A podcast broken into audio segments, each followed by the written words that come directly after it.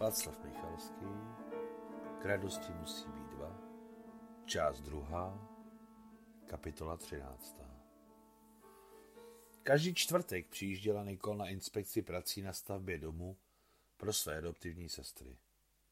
Co skutečně uměla, bylo odhalovat nedostatky, měla od přírody přesné oko a navíc vycvičené v palácovém hospodářství. No ty máš rengenové oči, pochválila ji Maria. Všichni mají dvě oči, dvě uši, jeden nos a jedna ústa. Nikdo si to sem sebou nebere. Nikol tak významně vstyčila palec a její velké, zářivé, tmavohnědé oči s těžkým kovým leskem na okamžik osvítil krátký smutek, že Maria a Ulia mimovolně zvedly hlavy za jím gestem. Dva ciry letěly na vysokém prázdném nebi někam na jih, na Saharu a ještě dál k Čadskému jezeru a potom k oceánu, aby mu obětovali své životy. Podobně o oblacích přemýšlela Ulia a naivně se zeptala, Mášo, jak daleko mohou oblaka doletět? Mají krátký nebo dlouhý osud? Různý. Tato oblaka ve vrchní vrstvě jsou od nás 8 kilometrů. Vidíš, že vypadají jako perlečové? Takovým mrakům se říká řasy, ciry. Bývají perleťové nebo stříbrné. To záleží na tom, jak který mrak odráží světlo. Učili jsme se to v námořním sboru. Je v oblacích voda? V těchto? Ne. V těchto jsou drobné kousky ledu. Tam nahoře je velká zima. Minus 50 stupňů Celzia méně. Bože, vykřikla Ulia. Takže v ráji nosí kožich, válenky a beranice? Neblbni, Ulko, co to povídáš? O čem mluvíte? Zeptala se řevnivě Nikol, které se velmi nelíbilo, když se jí sestřičky zapomněly a přišly do ruštiny. Odpust prosím, zrozpačitila Maria. O oblacích. Ulia se ptá, zda doletí k oceánu. Ne, ty neříkáš všechno. Kam doletí? To není k smíchu a vy jste se smáli, řekla Nikol se známkami urážky v hlase. Madame Nikol došla k tomu životnímu předělu, který je pro hodně žen těžký. I když namalovaná vypadala skvěle, ale stejně jí bylo přes 50. Poslední dobou Nikol neprožívala podráždění jen v přítomnosti Charlese, Marie a Uli, ať už byli všichni dohromady nebo zvlášť. Zřejmě proto, že Nikol znala instinktivně hranici, cítila bod návratu, který nemohou překročit ani letadla, ani lidé ve vztahu k sobě navzájem, tím více se sobě rovnými s těmi, pro které není madame guvernérka, ale jen Nikol. V této pro ní nelehké době zjevení Ulji a stavba domu se pro ní staly ventilací emoce, která jí pomáhala žít. Nikol si zamilovala Uliu dokonce více, než kdysi Mariu. Přijala ji jako své poslední opevnění. Nikol byla opravdová žena a celý svůj život se chtěla někomu bez zbytku odat. A odávala se Charlesovi, ale on sám byl pro ní málo. Její duše strádala celý život po dítěti. Kdysi se pokoušela osvojit Mariu. Ne, neměla to Marie za zlé. Prostě si pamatovala, že nelze rozhodovat o osudu jiného člověka, nemáš-li jeho souhlas. Pak na to nelze ani pomyslet.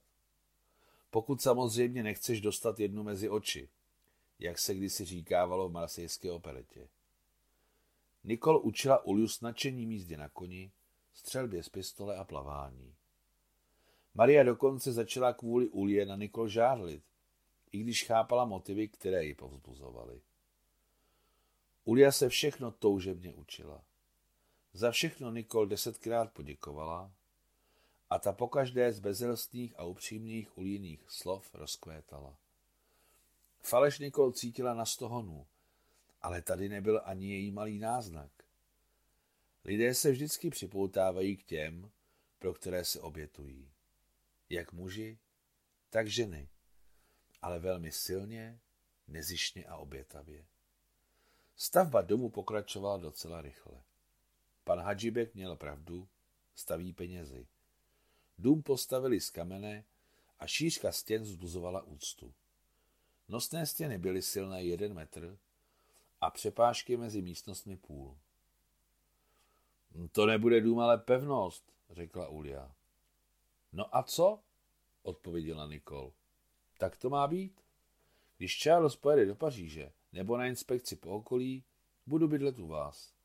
Je, jak nám bude radostně ve třech. Radostně, to je důležité, vstoupila do rozhovoru Maria.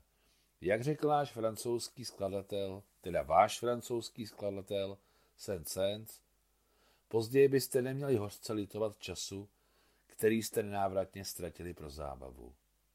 No výborně, tleskla Nikol, tak si povyrazíme, co, děvčata? Ano, odpověděli jí téměř unizono adoptivní sestry a jejich tváře se přitom rozzářily v takové naději, že by kdokoliv uvěřil, že to takhle bude. Stejně je ten kámen výjimečný materiál. Zamyšleně hledíc na vnější stěnu domu, složenou ze světle šedivého pískovce, řekla tiše Maria a najednou se zamyslela, že tento kámen přivezli z kamenolomu, na pozadí jehož svislé stěny málem zastřelili tuaregy. V životě je všechno tak propletené.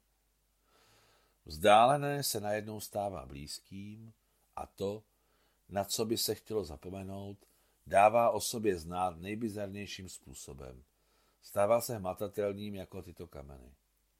V hlubině Mariny duše se pohnulo cosi temného a hanebného.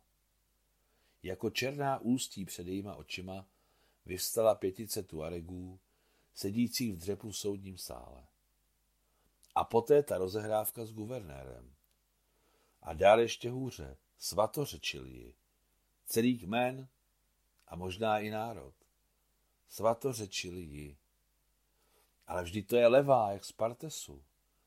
Můj bože, jak nic není jednoduché a zároveň obyčejně hloupé. Ze všech sil se Maria postarala, aby přepnula své vědomí a vykřikla nepřirozeně bodře. Tak děvčata, dlouho jsme nepluli na jachtě, jedem Nikol. O tom žádná, odpověděla Nikol a zároveň si povšimla Marina bodrého tónu a přemýšlela, co se asi sestřičce stalo neveselého, když je tak energická. O tom žádná, třeba zítra. Jsem vždy připravena. Dohodli se, že ráno poplují na jachtě podél břehu. Musíme pozvat vašeho ruského mechanika, řekla Nikol. S ním je bezpečno. Hned jak přijdu domů, přikážu, aby ho našli. Maria mlčela, což si bylo možné vyložit jako souhlas. I když Nikol slova ruské mechanikovi Ivanu Pavlovičovi Gruněnkovi ji znepokojila méně než myšlenka na Tuaregy. Bezradně se zamyslela, že na mechanikova syna Michaila vůbec nevzpomíná. Sejde z očí, sejde z mysli. V každém pořekadlu je kus pravdy. A ona už ho neviděla tak dlouho.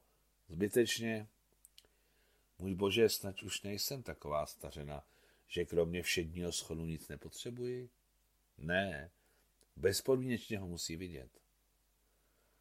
Marijino srdce poskočilo v naději na možné štěstí a zauvažovala o dítěti, o svém případném dítěti.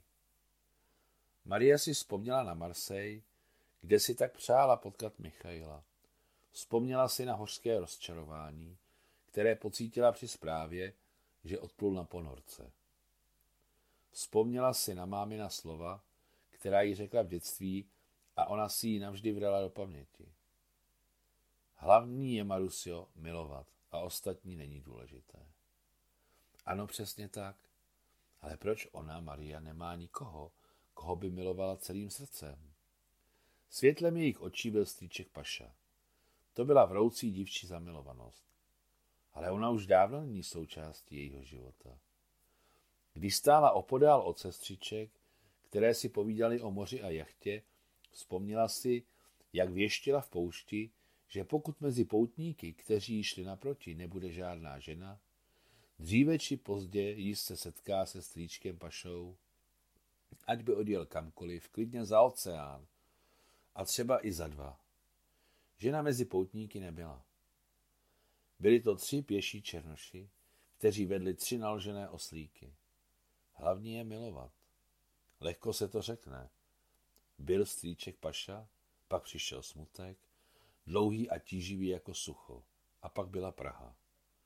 První radosti studentského života, první stejně staří nápadníci, kteří v její přítomnosti ztráceli řeč a poté. Prahu všichni milují. Je obvyklé zlatou Prahu milovat, ale když na toto město vzpomíná Maria, zvedne se jí v hrudi těžká a kalná vlna. Dosud fyzicky cítí dušnost. Konec 13. kapitoly.